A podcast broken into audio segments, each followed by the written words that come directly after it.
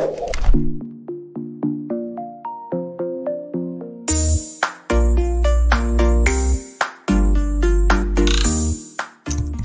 ini didukung oleh tokoig.id, toko Instagramnya orang Indonesia. Salam bahagia kerabat desa Indonesia. Kembali kita di Kepoin Desa. Kita kepo-kepo tentang desa dalam sebuah semangat memuliakan desa-desa Indonesia. Pagi ini terinspirasi dari ada digitalisasi koperasi yang dilakukan oleh teman-teman di Kementerian Koperasi, kemudian uh, terinspirasi juga bahwa program prioritas desa salah satunya adalah bagaimana internet desa, bagaimana tiap desa bisa berakses internet. Secara khusus saya mengundang kawan lama yang ternyata main-main juga dengan apa aplikasi atau apa satu uh, sistem yang kemudian saya melihat ini akan sangat membantu, akan sangat membantu ketika bicara kooperasi uh, simpan pinjam khususnya kemudian Badan Keuangan Desa BKD atau lembaga keuangan mikro BMT dan seterusnya untuk bisa masuk ke wilayah digital dengan cara yang sederhana dengan investasi yang tidak terlalu besar, tetapi kemudian banyak manfaat digital yang bisa apa didapatkan dari apa penggunaan aplikasi. Teman lama saya Mas Arif, apa kabar? Rip, apa kabar Rip? Alhamdulillah sehat. Selamat pagi Pak Koco, selamat pagi pemirsa semua. Semoga kita nah, tetap nah, ini, ini, ini, Rip, Rip. Kamu kalau menyapa teman-teman yang menyaksikan TV Desa adalah kerabat desa. Ini harus kerabat desa uh, ya iya betul. kerabat desa ini. Kalau pemirsa itu nanti punyanya TVRI gitu kan. Oh, ada yang lain. Oke okay, Rip Rip aku aku aku sempat surprise juga tuh ketika kemarin ketemu hmm. kamu ngobrol-ngobrol sekarang kamu apa ada sama teman-teman mengembangkan uh, apa ya uh, satu sistem mungkin ya bahasanya ya sistem ya, atau aplikasi untuk hmm. keperluan aplikasi untuk keperluan hmm. apa uh, koperasi pas pas aku apa uh, lihat lagi dan aku apa coba pelajari yang kamu punya oh ini koperasi koperasi simpan pinjam mungkin akan lebih mendapatkan manfaat ketika kemudian menggunakan uh, apa aplikasi yang kamu punya sebelum ngomong aplikasinya itu apa aku pengen tanya idenya dari mana kamu main-main ke situ perasaan dulu nggak paham koperasi juga kan? Ya, betul sekali Pak. Jadi eh, beberapa tahun lalu ini perusahaan kita nih mengembangkan aplikasi khusus untuk eh, LKM Pak, Lembaga Keuangan Mikro, terutama hmm. koperasi. Hmm. Memang sebelumnya kita mengembangkan aplikasi ini best core main bisnis perusahaan kami ini memang mainnya di aplikasi banking, Pak, yang lebih besar lagi gitu. Nah, hmm uh, core banking. Jadi hampir semua bank di uh, Indonesia ini memang kita provide aplikasi dan solusi-solusi perbankannya. Nah, hmm. uh, sekitar 2-3 tahun lalu uh, kami juga akhirnya turun fokus ke uh, untuk membantu lembaga-lembaga keuangan mikro khususnya koperasi, Pak. Hmm. Ya, ilmu koperasi kita dapat dari banyak teman-teman juga di OJK, BI, dan Kemenko, Pak dalam pengembangan apa aplikasi ini kita banyak melibatkan uh, ahli-ahli koperasi terutama dari mereka yang mengerti bisnisnya koperasi gitu loh Pak. Pak hmm. koperasi lah gitu ya. Akhirnya jadilah koperasi ini dan sekarang memang sudah banyak juga yang pakai yang gunakan gitu Pak.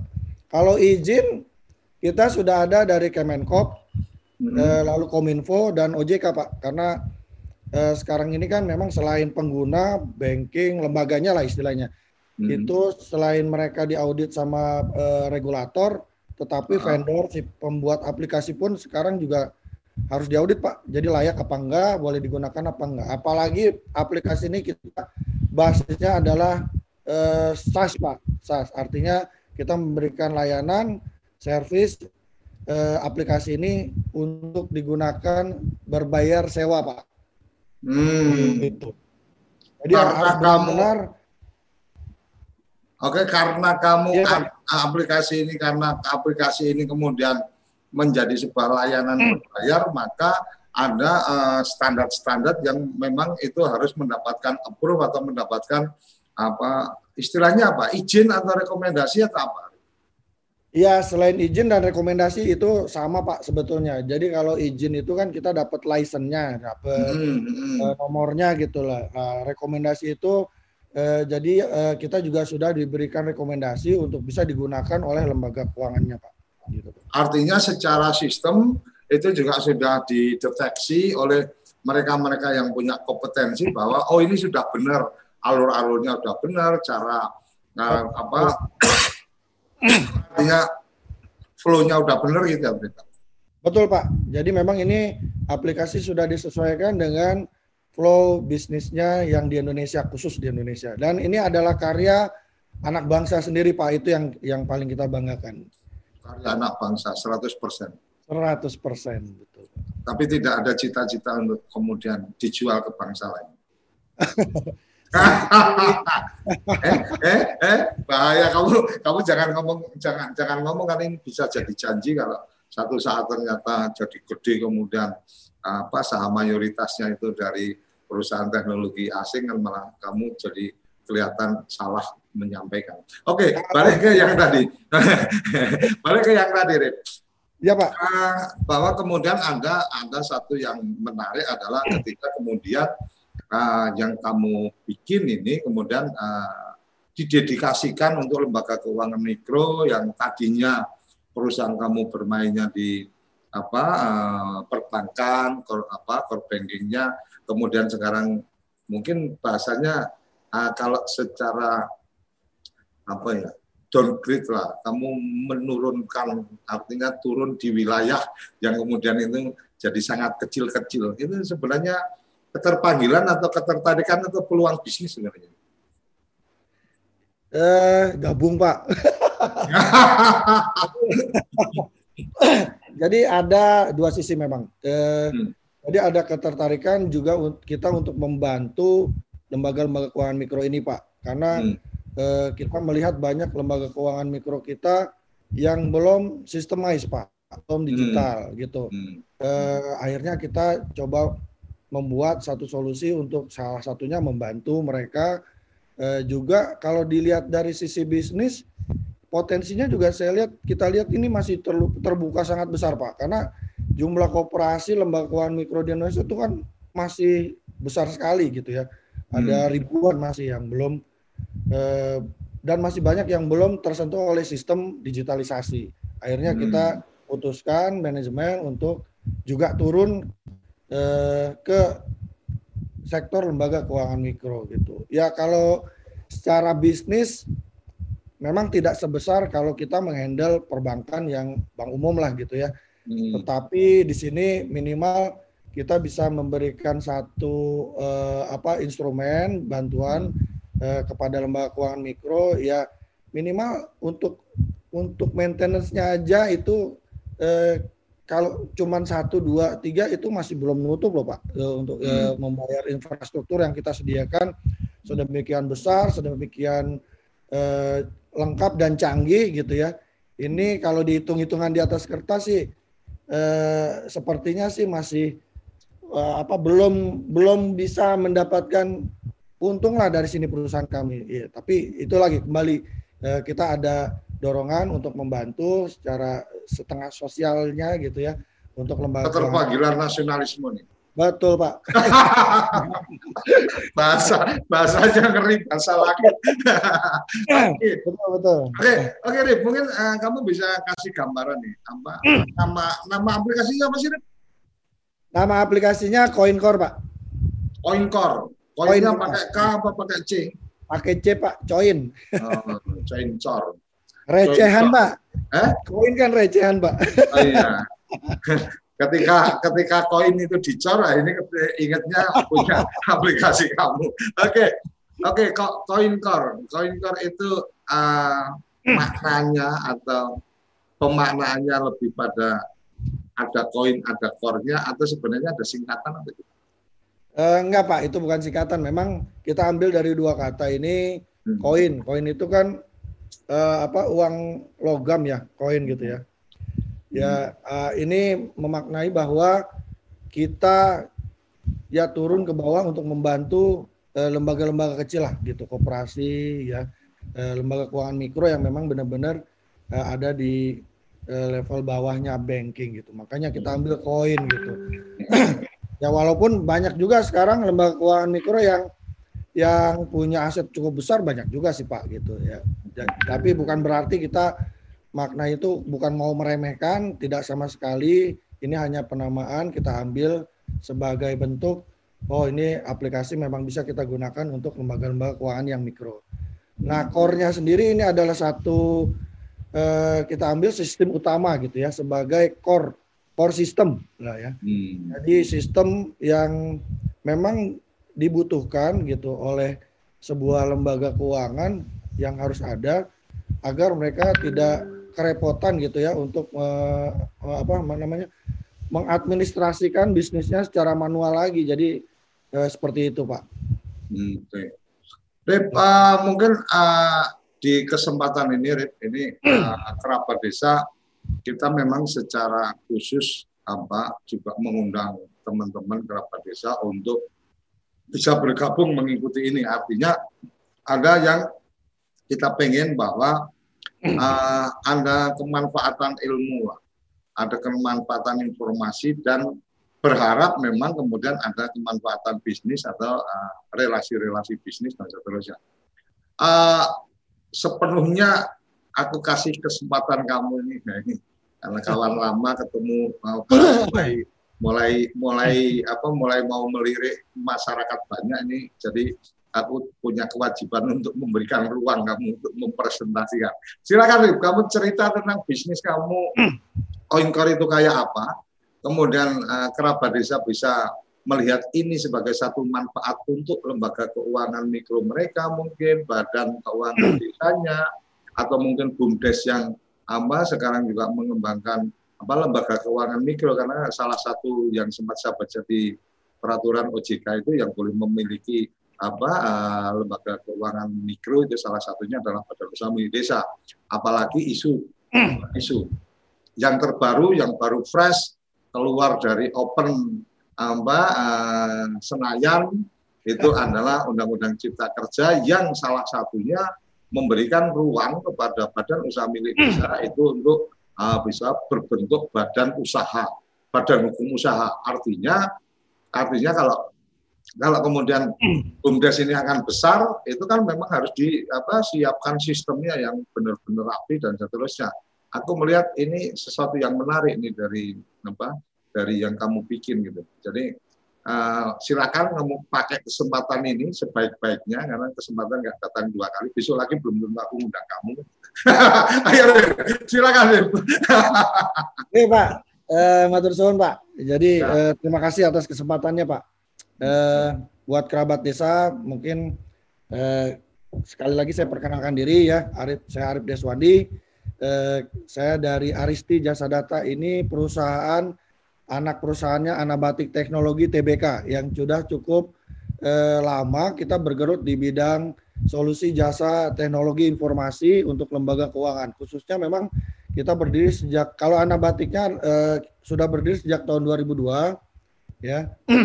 Ini memang eh, kami bermain di eh, solusi-solusi aplikasi teknologi untuk perbankan gitu awalnya. Nah, eh, tahun sekitar tahun 2000 Eh, 16 lalu kita mengembangkan sebuah aplikasi solusi CoinCore ini ya yang kita khususkan eh, untuk lembaga keuangan mikro khususnya koperasi. Nah, aplikasi ini sangat menarik, eh, sangat bagus buat eh, buat koperasi yang selama ini mungkin belum eh, belum secara sepenuhnya memanfaatkan eh, teknologi digitalisasi. Jadi eh, aplikasi ini memang khususnya untuk uh, koperasi simpan pinjam ya Pak kami hmm. buat itu sudah sangat lengkap sekali uh, modul-modulnya di sana sama seperti core banking pada umumnya. Jadi ada uh, modul uh, pinjaman, ada modul tabungan, ada modul keuangannya juga ya, akuntingnya, ada pencatatan uh, apa namanya eh, informasi nasabahnya, CAF-nya gitu ya. Lalu report-reportnya secara otomatis itu eh, tergeneral eh, tergenerate ya seperti balance sheet, neraca, laporan keuangan, laba rugi gitu ya. Ini secara otomatis terbentuk pada saat transaksi itu dilakukan. Jadi sudah tidak lagi eh, mengandalkan tenaga manusia, akunting manusia ya, untuk menginput secara manual jurnal-jurnal yang dilakukan pada saat transaksi. Jadi otomatis terbentuk, debit kreditnya otomatis terbentuk. Jadi eh, dengan mudah itu bagian eh, apa keuangan atau eh, administrasi itu tinggal melihat saja histori transaksinya, ya jurnal yang terbentuk, laporan keuangannya secara real time, Pak. Jadi gitu. Hmm. Nah, itu dari sisi core aplikasi yang digunakan oleh si back office lah eh, kooperasinya. Nah, yang lebih menarik lagi ini adalah kami juga sudah menyediakan paket jadi ya, menyediakan eh, mobile aplikasi untuk anggota ya. Nah, di sini sangat penting. Eh, kenapa? Saya, aku aku potong ya. Mobile Siapa? aplikasi untuk anggota, artinya anggota kemudian bisa apa mendownload aplikasi dan kemudian data dia sebagai anggota itu ter apa tersimpan di aplikasi mobile yang di apa yang ditanam di apa Android anggota. Betul sekali Pak Koco. Oh. Jadi ya ini sama seperti mobile banking yang pada umumnya lah ya. Kalau eh, kerabat desa ada yang sudah menggunakan mobile banking dari bank umum gitu ya. Nah, ini sama persis ya. Jadi anggota itu bisa melihat berapa nomor rekeningnya, berapa saldonya, rekening apa saja yang dia punya di koperasi. Misalkan dia punya deposito, punya tabungan wajib gitu ya, punya tabungan sukarela, ya punya pinjaman rekening itu akan terlihat secara eh, langsung di aplikasi anggota sendiri dan mereka bisa melakukan transaksi secara mandiri pak jadi tidak hmm. perlu lagi datang ke gerai koperasinya untuk melakukan transaksi gitu nah hmm. ini sangat menarik selain eh, aplikasi ini juga bisa membantu anggota untuk bertransaksi anggota ini bisa juga melakukan eh, transaksi di luar eh, tabungan dan pinjaman mereka ya seperti PPOB. Jadi mereka bisa anggota ini bisa e, bertransaksi untuk top up e, pulsa telepon ya, bayar BPJS, bayar PDAM, AR, bayar PLN. Jadi sini sudah kita embed, kita integrasikan dengan agregator PPOB yang cukup banyak Pak. Kita punya beberapa e, agregator yang sudah terintegrasi dengan aplikasi kita ini Pak. Jadi kita sudah bekerja sama. Ya. Lalu selain itu, yang menarik lagi, ini aplikasi koperasi sudah terhubung dengan bank-bank umum, Pak. Ini yang menarik, gitu. Jadi eh, terkoneksi sama bank umum. Iya, Pak. Kita terintegrasi dengan bank umum. Artinya hmm. eh, anggota bisa melakukan transaksi transfer ke bank lain gitu dari dari rekening koperasinya. Begitu juga mereka bisa menerima transfer dari bank lain masuk ke rekening operasinya secara langsung real time, Pak. Artinya artinya artinya ketika kemudian nih aku aku punya badan usaha milik desa. Kemudian ya, apa uh, ada unit bisnisnya adalah lembaga keuangan mikro. Kemudian apa nasabah-nasabah uh, itu terregistrasi di apa platform ini kan gitu karena uh, dari aku punya BUMDes ini menggunakan aplikasi kamu. Itu nasabah-nasabah yang ada uh, di apa uh, di lembaga keuangan mikro BUMDes ini itu sudah selayaknya sebagai uh, nasabah perbankan karena dia bisa melakukan trans, apa uh, transfer dan menerima apa kirim maupun terima uang dengan menggunakan nomor rekening dari uh, yang diterbitkan oleh BUMDes itu. Betul sekali Pak. Jadi secara otomatis ya secara otomatis eh, para anggota juga sudah bisa langsung melakukan transaksi baik itu transfer maupun menerima transfer dari bank umum lain, Pak. Ya, jadi kita sudah eh, bekerja sama juga integrasi dengan bank-bank umum ini, Pak. Gitu. Jadi sudah tidak lagi hanya operasi itu close loop. Artinya close loop itu cuma bisa bertransaksi ya di kooperasi itu saja. Tidak. Sekarang sudah eh, kita buka, kita bekerja sama dengan bank-bank umum, kita bekerja sama dengan agregator PPOB sehingga memudahkan eh, para anggota kooperasinya melakukan transaksi-transaksi eh, setiap hari yang mereka butuhkan. Itu Pak. Itu yang menarik.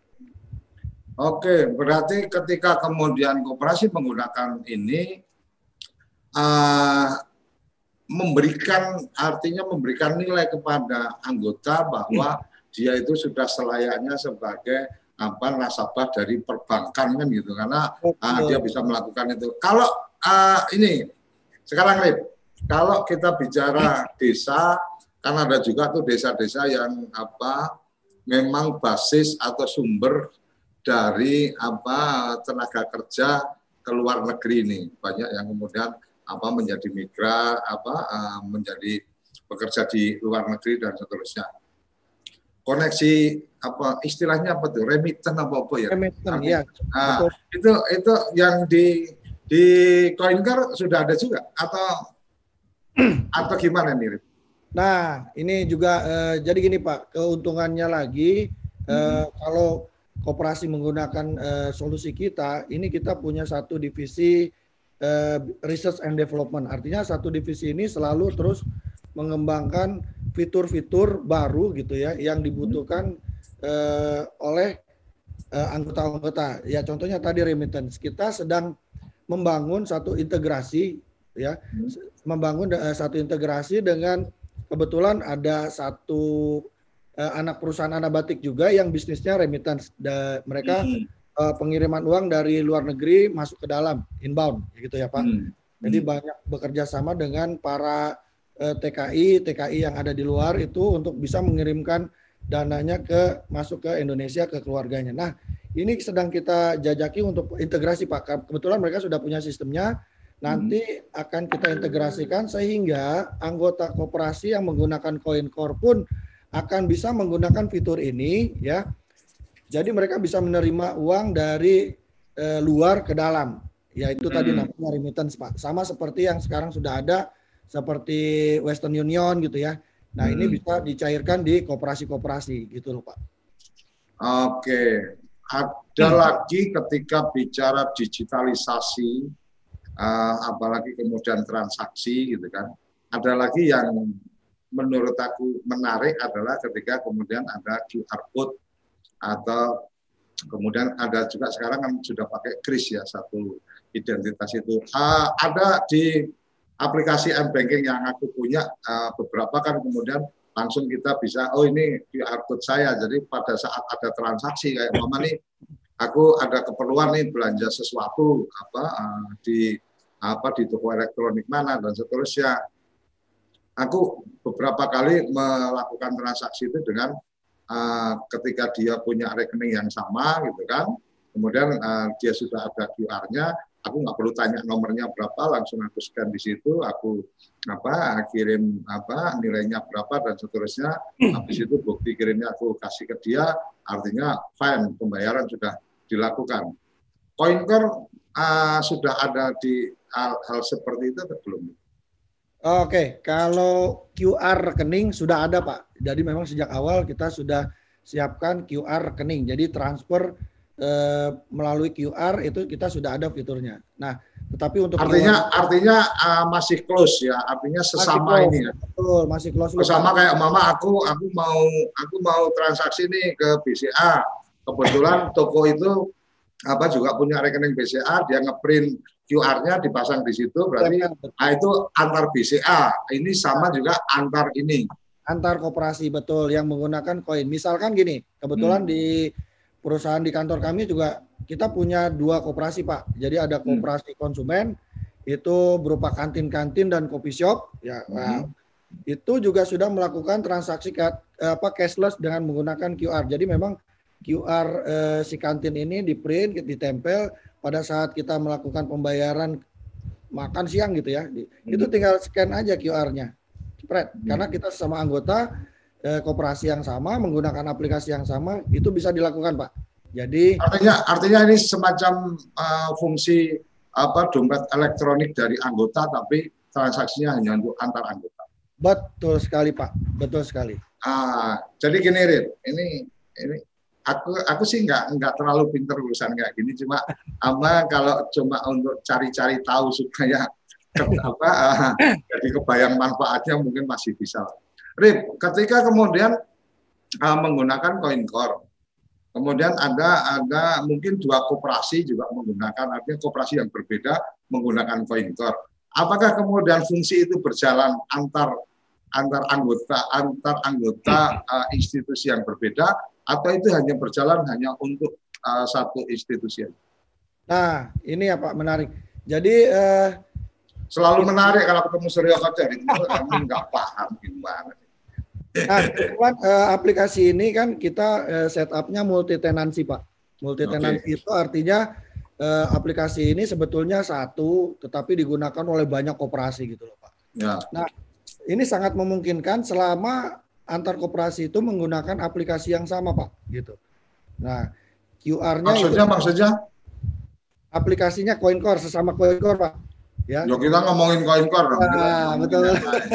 Nah, itu kan sebenarnya close loop. Kita uh, menggunakan multi tenancy artinya antar koperasi pun bisa saling uh, apa bertransfer dengan menggunakan fitur QR ini gitu loh, Pak. Artinya aku membayangkan ketika CoinCore ini uh, dimanfaatkan oleh badan usaha milik desa umpamanya ya. karena kemudian dia ada lembaga keuangan mikronya, maka ketika sesama apa sesama badan usaha milik desa menggunakan CoinCore itu aku membayangkan bahwa setiap anggota, setiap nasabah dari badan usaha milik desa itu ibarat kata kalau kita bicara ATM, hmm. itu berarti masing-masing itu sudah kemudian ada labelnya ATM bersamanya gitu.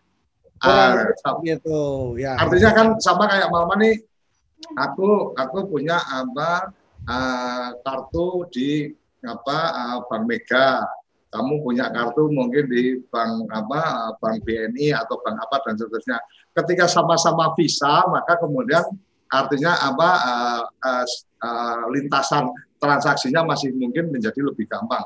Sama seperti uh, ketika aku pakai uh, kalau sekarang kan sudah terintegrasi ini apa di link aja atau di ATM bersama semua bank apa uh, bank himbara ya artinya bank negara.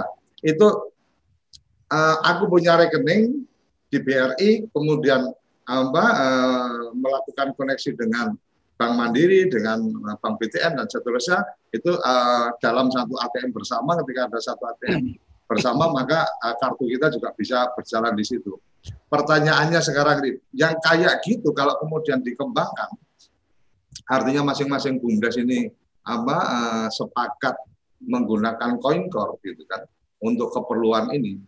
Uh, dari sistem atau dari CoinCore sendiri antar uh, antar koperasi atau antar BUMDes itu itu kan berarti tinggal kesepakatan antar mereka aja kan. Oke yang ini bisa dikoneksikan kan gitu.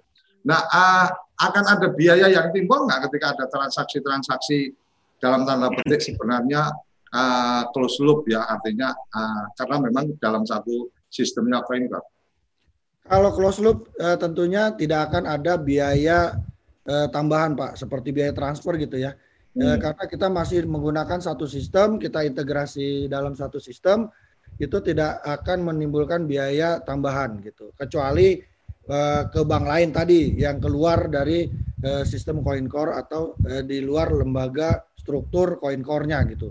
Nah itu artinya ada, uh, artinya artinya kalau dari sistem hmm. itu memungkinkan untuk tidak ada apa biaya telah apa uh, biaya tambahan karena memang itu masih dalam satu sistemnya CoinCore. Karena kan kalau kita kalau kita ngomong ATM bersama nih, aku kan eh, apa pun tetap kena biaya nih ketika apa uh, transfer ke rekeningnya apa ya rekeningnya member dari ATM bersama kan gitu. Uh, berarti ini ini ada ada sesuatu yang lebih luar biasa dong ketika kemudian Eh, teman-teman uh, yang di kampung sana uh, menjadi nasabah dari lembaga keuangan mikro uh, dari unitnya Bumdes di kampung, kemudian aku mungkin apa uh, jadi nasabah dari koperasi yang ada di Jakarta, tetapi lembaga keuangan mikro di sana dan kemudian koperasi yang di sini itu sama-sama menggunakan coin core dan membuat kesepakatan bahwa mereka bisa melakukan apa uh, transaksi dan apa artinya uh, transfer antar rekening dan seterusnya uh, itu apa dari dua lembaga itu sepakat untuk dikoneksikan itu tinggal kemudian CoinCore membuka untuk ini terintegrasi gitu. Betul, Benar, Pak. Ya? Betul sekali Pak. Wah, Jadi luar biasa, mendestruksi banyak hal ini kamu bahas. ya, sebenarnya gini Pak, biaya Iya, itu. Ah, sebenarnya biaya itu muncul di antar bank yang tadi diilustrasikan dengan Pak Koco. mm, Itu kan mereka menggunakan sistem yang berbeda-beda. Nah, biayanya itu adalah untuk membayar integrasinya Pak, switchingnya lah istilahnya ya. mm. Jadi mereka menggunakan jasa pihak ketiga eh, lagi switching itu untuk mengintegrasikan antar bank gitu yang memiliki sistem yang berbeda. Nah, Hmm. itu yang yang makanya kalau kita transfer antar bank ada biayanya. Sebetulnya Dan- biaya itu adalah Nah, buat dan ketika ketika kamu potong dengan cara tadi semua menggunakan satu sistem punyanya CoinCore, maka itu sudah tidak ada biaya lagi karena betul, bahasa switching antar sistemnya nggak ada kan gitu ya. betul sekali ya. Karena Nah, Rin, pertanyaan berikut, Rin. Nih, sekarang kamu tadi kan udah ngomong ini ketika pakai CoinCore maka kemudian terintegrasi dengan bank dan seterusnya gitu kan. Kemudian yang menarik adalah eh, aku aku bisa transfer nih. Aku udah punya rekening di apa di koperasi, koperasi pakai CoinCore. Kemudian aku mau transfer ke rekening bank tertentu gitu kan. Kan sama juga ketika aku transfer pakai apa eh, m-banking yang aku punya gitu kan ya, Pak. ada nggak nilai lebihnya ketika kemudian aku pakai kamu punya dengan eh, aku transfer dari m banking yang aku punya. ada Pak nilai lebihnya biaya Wei? registrasi transfernya itu kalau melalui kita jauh lebih murah. Misalkan dari bank A Hmm. ke bank B, kalau Hmm. tidak menggunakan koin itu biasanya ada biaya transfernya sekitar 6.500 kalau nggak salah ya Pak. Ya, ah, Nah kalau menggunakan koin core transfer ke bank lain atau sebaliknya itu biayanya hanya 3.500 kalau nggak salah. Jadi separohnya Pak. berarti lebih hemat ketika. Lebih hemat betul sekali. Biayanya jauh Ah. lebih murah gitu. Oke, A- aku kalau urusan digital walaupun rambutku udah putih gini tapi agak paham lah. Pertanyaan berikutnya, Rin, Ah, top up. Kan aku aku punya punya rekening di situ kan bisa aja nih. ah, kemudian aku jadikan ini tidak sekedar sebagai catatan untuk di apa di koperasi, tetapi juga aku nyimpen duit di situ sebagai e-walletnya lah kasar katanya kan gitu. Kemudian aku pengen top up ke situ. Ketika kemudian dari rekening bankku top up ke situ. Itu eh, kena biayanya sama kan aku ada ada beberapa nih yang sempat aku lihat nih. Oh kalau nggak di marketplace ini aku cuma nambah seribu perak gitu kan. Kalau yang ini sama kayak transfer, kenanya 6.500 dan di kamu kenanya kayak apa nih? Nah, kalau di kita eh, kebetulan masih menggunakan metode metodenya dengan transfer, Pak. Jadi eh, top up seperti transfer. Jadi kita top up eh, rekening tabungan sukarela kita gitu ya Nah, eh, di koperasi dari bank lain gitu. Hmm. Nah, itu sama dengan kalau sekarang sama dengan transfer dari bank lain masuk ke rekening eh, koperasi, Pak. Biayanya sama seperti tadi, 3.500 gitu. hmm, Jadi top up-nya ke rekening. Jadi sebenarnya sama dengan metode transfer biasa gitu. Ya, dari Hmm. bank lain masuk ke rekening kita. Itu top up eh, saldo eh, rekening kita di koperasi kan gitu, Pak. Itu Hmm. sekarang yang metodologinya masih seperti itu. Ah, kemudian ah, ah, ketika satu koperasi, satu badan usaha milik desa, unit apa lembaga keuangan mikro atau badan kredit desa atau PMT atau apa pun itu, kemudian ketika menggunakan sistem kamu, pertanyaannya adalah duit-duit dari anggota, simpanan pokok, sukarela dan seterusnya, itu ngumpulnya di rekening siapa? Dari rekening rekening nabungan masing-masing, Pak. Masing-masing anggotanya gitu. Misalkan setiap anggota kan punya nomor eh, nomor rekening tabungan wajib sendiri, Mm-mm, punya nomor rekening tabungan sukarela sendiri. mm-mm. Ya artinya saldo ini akan masuk ke rekening mereka masing-masing, Pak. Gitu. Artinya se- kalau secara duit itu eh, rekening tampungnya adalah rekening dari BUMDes atau eh, BMT atau koperasinya. Eh, rekeningnya masuk ke rekening si nasabahnya, tapi duitnya mungkin kan dikelola oleh si bumdes dan koperasi sama seperti bank, Pak. Gitu. Oh, artinya artinya CoinCore tidak kemudian menjadi penampungan duit-duit itu kan? Iya, Pak. Ya, nah ini yang mungkin Nah, ini yang kamu mesti ngomongin dari tadi kamu nggak ngomong kalau nggak aku tanya klarifikasi bahwa eh, CoinCore perusahaan kita ini tidak menampung duit sama sekali. Ya, kita Hmm. tidak menerima uang apa pun. Semuanya dikelola uangnya oleh si koperasi atau lembaga keuangannya masing-masing. Jadi kita pure murni hanya menyediakan Layanan sistem. koperasi. Betul. Jadi koperasi hanya membayar sistem sewa bulanan saja atas penggunaan eh, sistem kita ini, Pak. Gitu, Pak. Oke, oke. Kepoin desa selalu ada dua segmen dan ini jangan sampai nggak ada jeda karena uh, ada bagian yang harus kita sampaikan ke teman-teman apa uh, ke kerabat desa. Saya akan lihat nanti di chat YouTube ada pertanyaan-pertanyaan atau enggak dan seterusnya kita akan uh, obrolkan setelah yang satu ini. Jangan ke mana-mana, tetap di Kepoin Desa. Kamu tinggal di pulau terpencil, pegunungan pinggiran kota, atau daerah di Indonesia yang tidak terjangkau jaringan fiber, ADSL, dan juga 3G. Internetan dengan cepat pasti cuma akan menjadi mimpi.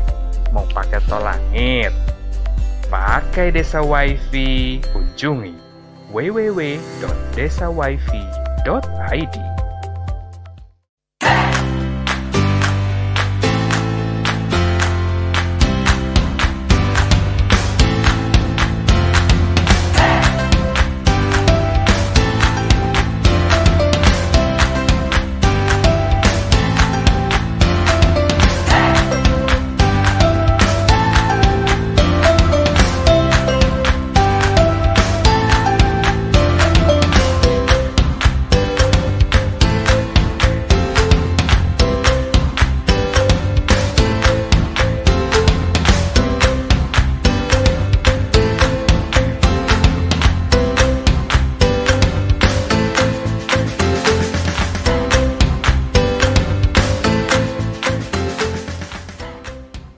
Toko IG.id, toko Instagramnya orang Indonesia.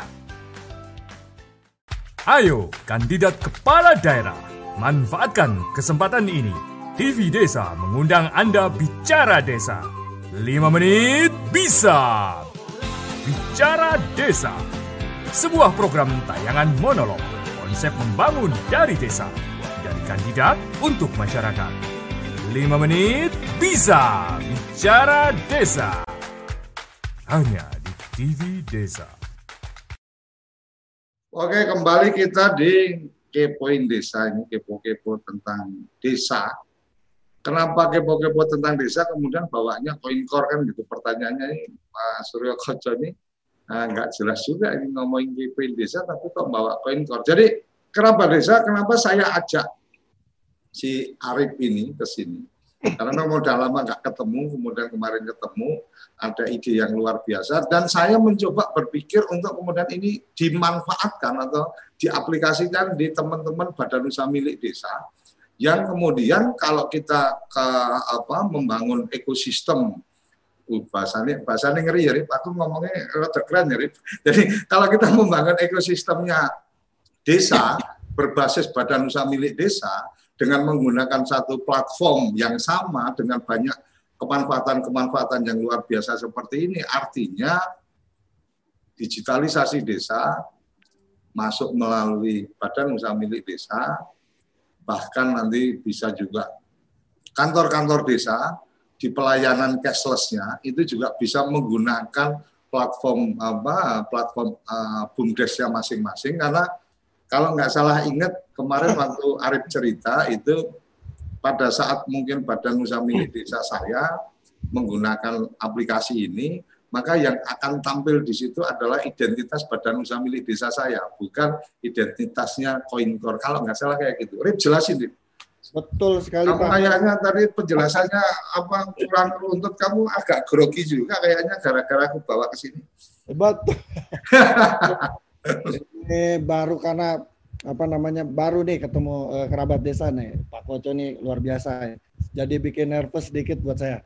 Jadi gini Pak eh, untuk penggunaan aplikasi ini ya nanti yang akan tampil baik logo namanya itu adalah nama dan logo koperasi masing-masing Pak. Jadi tidak ada label coin core sama sekali di aplikasi mobilenya kecuali di belakang Hmm. ya mungkin di yang back end-nya yang digunakan oleh back office eh, reportnya masih ada lah na- nama koinnya. Eh, jadi dua Ar- logo. ar- artinya artinya kalau aku punya koperasi atau aku manajer BUMDes, aku bisa sombong bahwa membanggakan diri bahwa oh BUMDes saya punya aplikasi kan gitu karena oh, yang tampil logo logo BUMDes benar nggak Eh? Betul Pak. Jadi oke okay, eh, oke oke. Jadi kok lembaganya ini bisa eh, ini loh aplikasi kita logonya logo mereka namanya nama mereka nggak ada nama kooperasinya sekalipun warnanya juga bisa disesuaikan dengan eh, kultur warna lembaganya masing-masing misalkan lembaga kooperasi A Kultur hmm. warnanya biru, kita rubah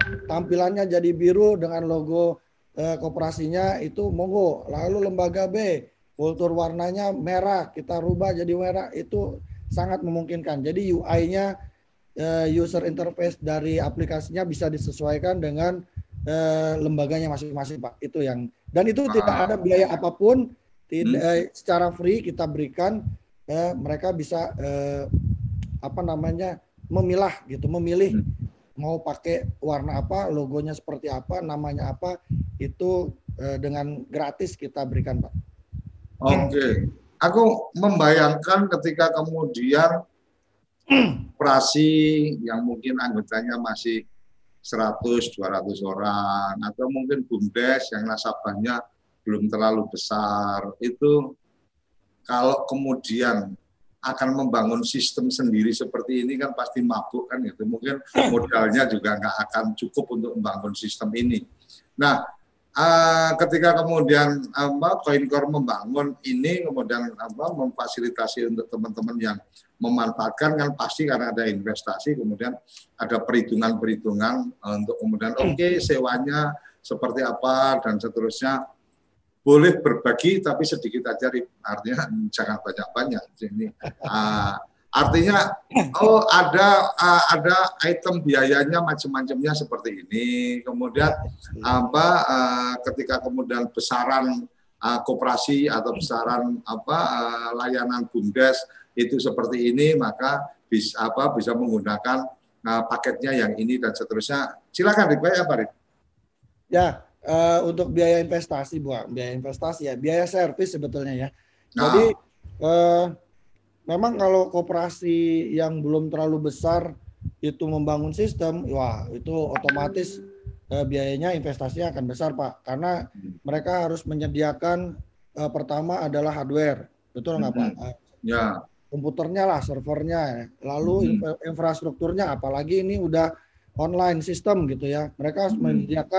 Perangkat internetnya supaya bisa diakses dari luar gitu kan. Hmm. Itu udah berapa lagi harus berlangganan band, uh, bandwidth gitu. Lalu hmm. belum untuk membangun sistemnya sendiri. Itu kan butuh tenaga-tenaga uh, programmer profesional yang uh, membuat sistemnya ini atau mengcoding sistemnya ini. Nah, itu cukup hmm. besar gitu. Nah, uh, ini keuntungan buat uh, lembaga koperasi yang kita sediakan ini sudah tidak perlu memikirkan investasi lagi Pak. Jadi mereka murni hanya tinggal uh, menyiapkan browser saja, baik dari laptop ke, dari HP ke, itu bisa diakses uh, ke server kita di kantor kita. Kita sudah sediakan data center uh, yang hmm. cukup besar gitu, yang bisa diakses oleh uh, banyak lembaga dari luar. Mereka hanya tinggal menyediakan koneksi internet dan browser dari laptop maupun dari HP atau tablet mereka saja. Hmm. Nah, Lalu berapa biaya yang dikeluar harus dikeluarkan oleh lembaga? Itu sangat murah. Jadi hmm. kita membebankannya adalah uh, per rekening Pak. Jadi misalkan hmm. uh, satu koperasi punya total rekening anggotanya 100 rekening gitu ya. Nah, hmm. biaya casnya itu adalah per rekening. Nah, hmm. semakin banyak uh, koperasi memiliki rekening anggotanya semakin besar tumbuh, hmm. bukannya makin mahal per rekeningnya tapi akan turun Pak biayanya, semakin murah gitu. Oke. Okay. akan semakin murah. Nanti kita berikan ada uh, tiringnya gitu ya. Hmm. Jadi misalkan uh, untuk rekening jumlahnya tertentu sekian sampai sekian uh, berapa nilainya itu hanya ribuan perak kok Pak, nggak mahal gitu. Hmm. Eh, hanya ribuan perak per rekening kita cas ke koperasi. Nah, lalu keuntungan yang lain adalah eh, aplikasi ini kan 24 jam Pak. Maksudnya hmm. eh, kita bisa pakai yang nggak 24 jam total sih. Ada momen-momen uh, aplikasi ini melakukan yang namanya tutup buku ya end of day gitu ya. Nah, itu selama end of day memang tidak bisa diakses uh, tengah malam tapi nah, sama lah, sama kayak perbankan juga gitu. Aku sama, transfer betul, tengah ya. malam ATM juga pada nggak berfungsi kan gitu. Betul sama. Nah, keuntungannya adalah gini, koperasi tidak perlu menyediakan orang mm -hmm. uh, bagian IT untuk memaintain sistemnya ini di diplototin nggak perlu. Jadi diserahkan hmm. semuanya ke kita Pak. Kita uh, ada tim namanya maintenance, ada tim support ya yang memantau aplikasi ini secara 24 jam. Yang hmm. menjalankan sistem ini pada saat end of day tengah malam. Itu ada timnya Pak. Jadi kita 24 jam di kantor secara uh, bergantian shifting itu memantau server ya, memantau data center kita ya supaya uh, tidak ada masalah gitu memastikan gitu. Hmm, okay. Nah itu mungkin ya support dan maintenance tim ini yang perlu diperhitungkan kalau ada misalkan ada koperasi yang menggunakan aplikasi gratisan dari bantuan misalkan dari eh, pemerintah gitu ya mereka memberikan aplikasi gratis tapi kan bagaimana misalkan kalau ada masalah gitu kan hmm. bagaimana kalau aplikasinya down misalkan ya, ya. Eh, bisnisnya Jadi, akan kalau siapa kalau kalau gratisan pengen fasilitas yang luar biasa kan nggak bisa. Sama kayak kalau dulu aku bercandaannya itu kalau uh, naik becak kamu nawarnya terlalu murah ya jangan berharap selamat kan gitu suka-suka suka-suka tukang becaknya. Betul pak. Oke oke oke. Betul pak. Nah itu mungkin ya. Eh, lalu batasannya. Misalkan kalau yang gratisan kan ya ya mau nggak mau ya udah pakai aja apa yang ada gitu kan.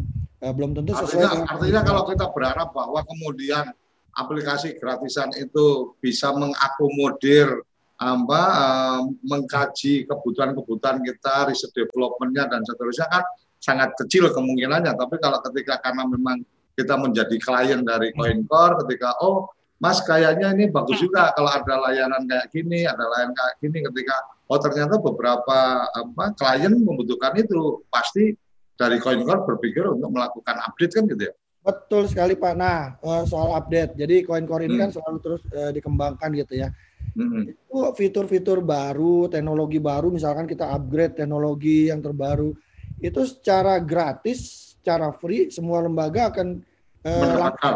ya mendapatkannya Pak uh, bareng. Hmm. Jadi tidak ada biaya tambahan lagi hmm. atas uh, apa pengembangan dari sistem CoinCore ini gitu loh Pak. Hmm, oke okay, oke okay, oke. Okay. Yang uh, menjadi tantangan berikutnya sebenarnya lebih pada ini ruang kepoin uh, aku udah kasih kesempatan ke Arif dan teman-teman untuk bercerita hmm. tentang apa jasa layanan yang dimiliki. Tapi memang suka tidak suka ini ada bagian bisnis yang pasti kemudian teman-teman bisa memperhitungkan apa bagaimana kemanfaatannya, kemudian atas biaya yang dikeluarkan dan seterusnya. Walaupun menurut saya ini sesuatu yang luar biasa, artinya saya nggak perlu terlalu berpikir ada orang IT yang nangani, saya tidak harus investasi besar, hmm, saya juga tidak harus kemudian apa uh, terlalu banyak tenaga administrasi karena memang ya, secara sistemnya tadi disampaikan sudah hmm. apa sudah approve dari teman-teman di OJK maupun Bank Indonesia artinya memang secara apa secara bisnis CoinCore ini hanya menjual jasa layanan, ya. tidak ada dia menyimpan uang dan seterusnya. Dan yang kemudian hmm. menarik berikutnya adalah jasa layanan yang disiapkan atau sistem yang disiapkan ini memang sudah mendapatkan approve dari lembaga-lembaga terkait. Kira-kira kayak gitu ya, Rik? Betul. Oh iya, lupa satu nah, lagi Pak. Nah, satu lagi benefit satu lagi benefit yang bisa didapatkan oleh lembaga keuangan dan koperasi pengguna CoinCore ini adalah hmm. adanya tambahan fee based income, Pak. Oke. Nah, fee based income ini uh, adalah hak buat lembaga. Uh, bahasa Indonesia ini apa fee based income? Rasa sok gembagusan kan bahasa bahasa Inggris. Artinya ada tambahan income nah. dari biaya-biaya yang dicas pada saat transaksi. Misalkan gini, Pak Hmm. Pada saat transfer misalkan ya, anggota hmm. beli PPOB itu kan ada biaya adminnya tuh Pak. Misalkan beli hmm. pulsa ada tambahan biaya 1.500 perak gitu ya. Hmm. Itu kan layak umum lah ya Pak. Uh -uh. Nah, biaya itu yang dicas ke anggota untuk membayar eh, apa transaksi top up tadi itu dibagi sebagian ke koperasi Pak. Berapa persen itu akan masuk ke koperasi, sebagian Hmm. masuk ke agregator. Nah, Hmm. jadi itu ada bagian-bagian. Jadi koperasi ini tidak hanya mengandalkan income dari bunga pinjaman atau margin Hmm. pinjaman yang diberikan ke anggota, tetapi ada eh, income lain yang koperasi nggak perlu ngapa-ngapain. Kalau ada transaksi dari anggota untuk beli pulsa, bayar BPJS, bayar eh, listrik, transfer ke bank lain, itu otomatis lembaga koperasi juga dapat income-nya Pak dari biaya. Oh, oke oke oke. Jadi jadi kayak gini ya. Aku aku aku di rumah kan pakai token nih, apa PLN. Ya, Jadi ketika aku bayar apa aku beli token apa eh, aku beli token pakai aplikasi A, pakai aplikasi B sama pakai transfer bank itu biayanya bisa beda. Itu lebih karena memang seberapa banyak dia mengambil apa eh, fee transaksi dari apa eh, dari apa eh, dari eh, dari tran- apa dari si vendor atau dari si penyelenggara apa eh, layanan itu ya.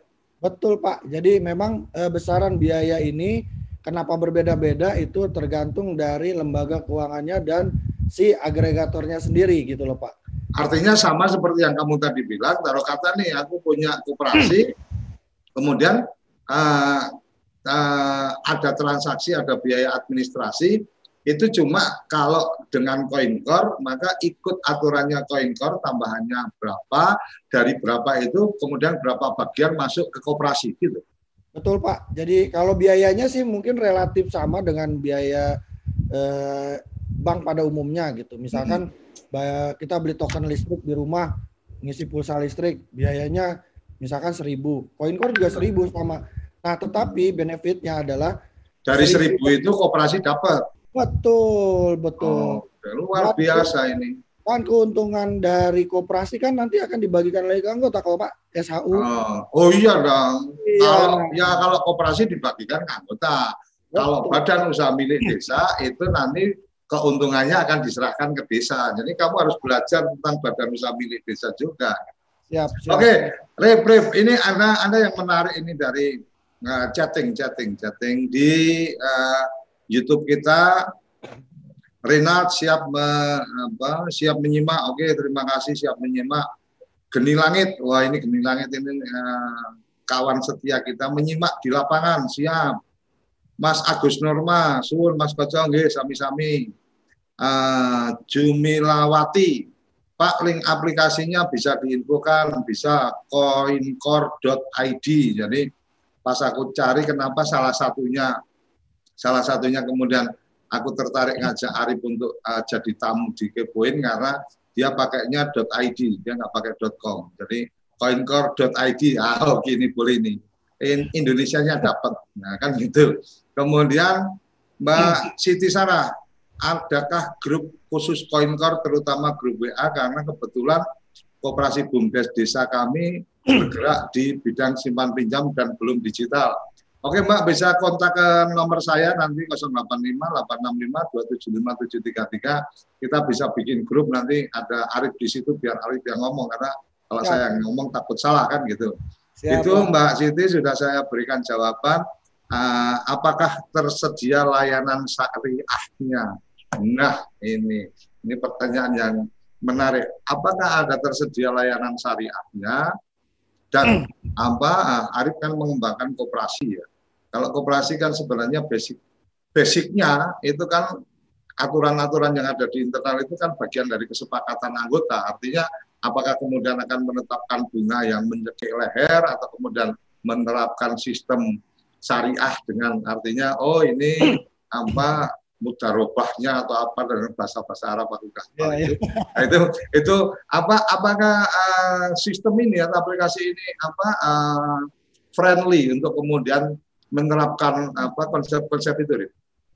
Oke, eh, kebetulan memang untuk yang versi syariah kita belum belum ready Pak, belum ready. Tapi masih masih diformulasikan, masih dirumuskan karena yang syariah ini kan eh, sangat spesifik Pak, gitu ya. Perhitungannya Hmm. pun di dalam sistemnya eh, sangat berbeda. Nah ini sedang kita eh, ma- untuk masuk ke roadmap kita memang sudah ada wacana untuk membuat versi syariahnya, tetapi belum selesai. Masih di konsep, masih dianalisa untuk kita kembangkan eh, kemudian hari. Sementara ini masih berbasis versi eh, konvensional memang. Nah, untuk penetapan bunga eh, pinjaman, bunga tabungan ya di CoinCore itu adalah kewenangan dari lembaga koperasi masing-masing, bukan dari CoinCore, Pak. Nah, hmm. eh, bagaimana cara menerapkannya? Yaitu eh, CoinCore hanya menyediakan fasilitas parameter saja. Terserah hmm. koperasi mau menginput bunganya berapa persen gitu ya. Eh, itu kita kembalikan eh, ke koperasi masing-masing, Pak. Regulasinya. Apakah mau menetapkan satu persen per bulan, setengah persen, dua persen itu kita kembalikan ke koperasi. Artinya, artinya di dashboard itu secara sistem sudah disiapkan.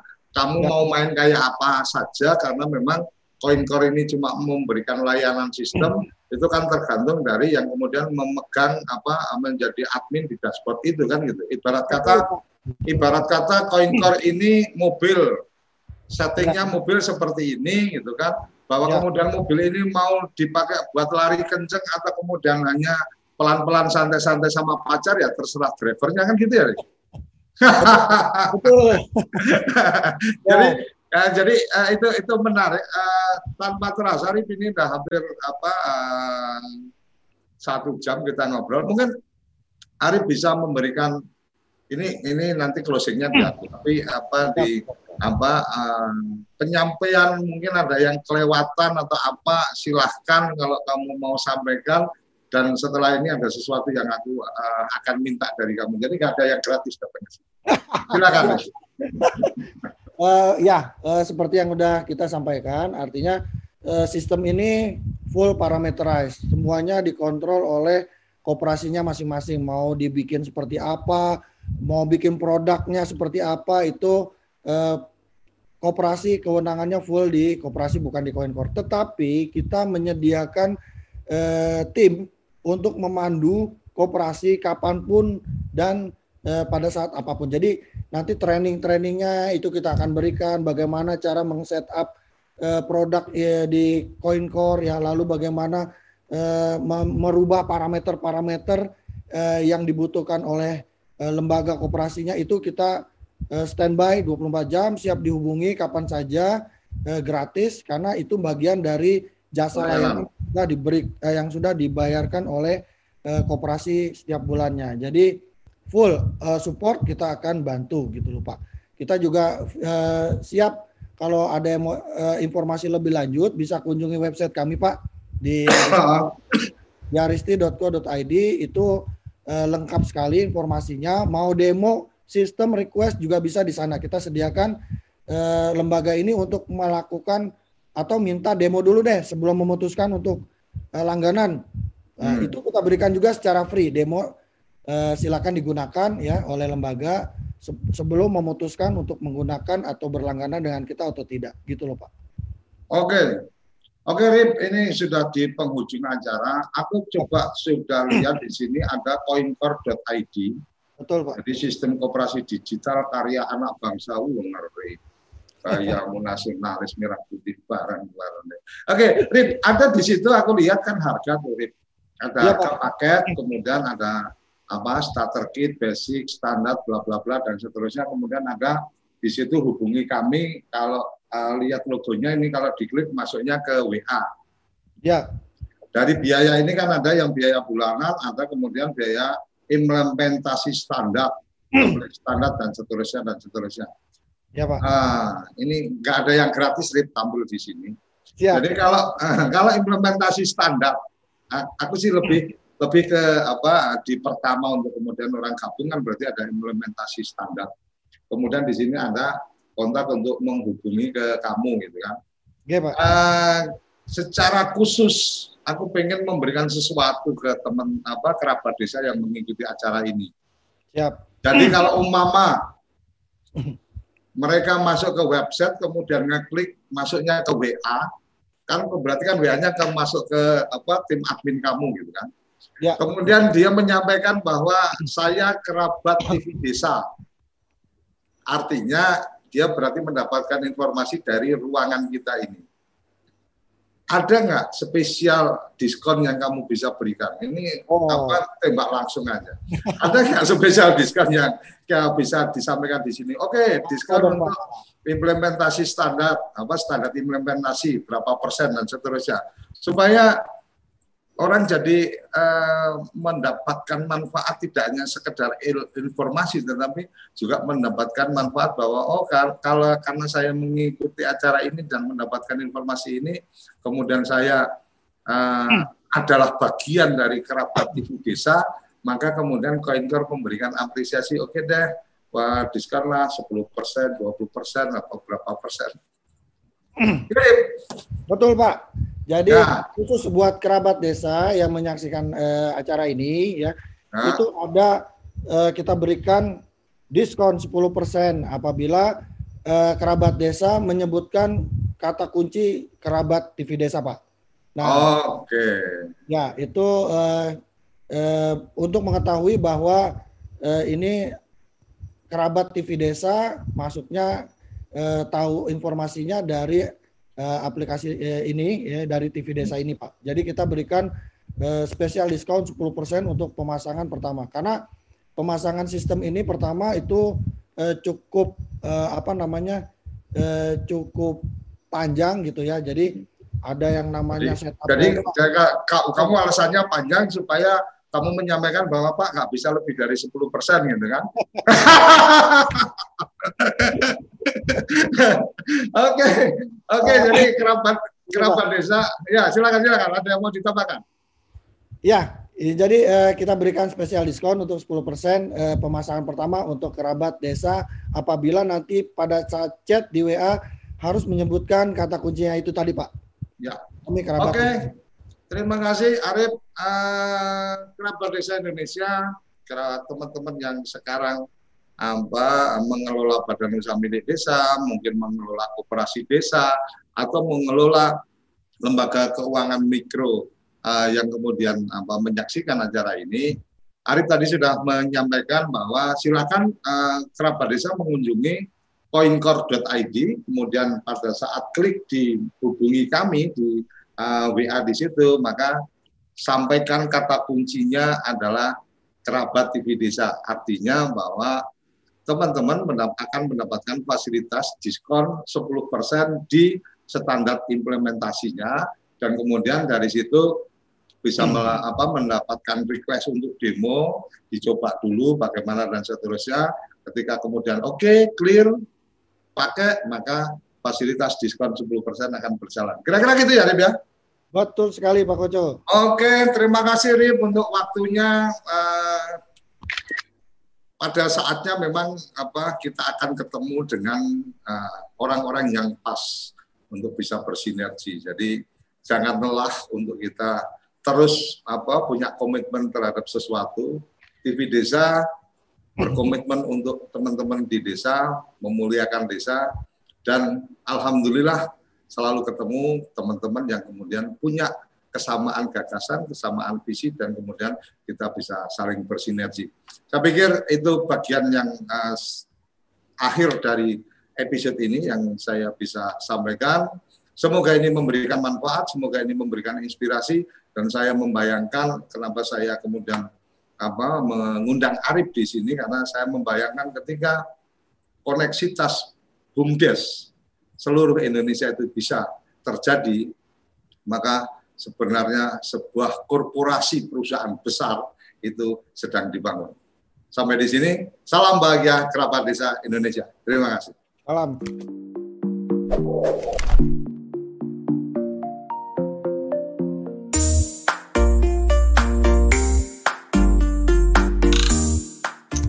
Cara ini didukung oleh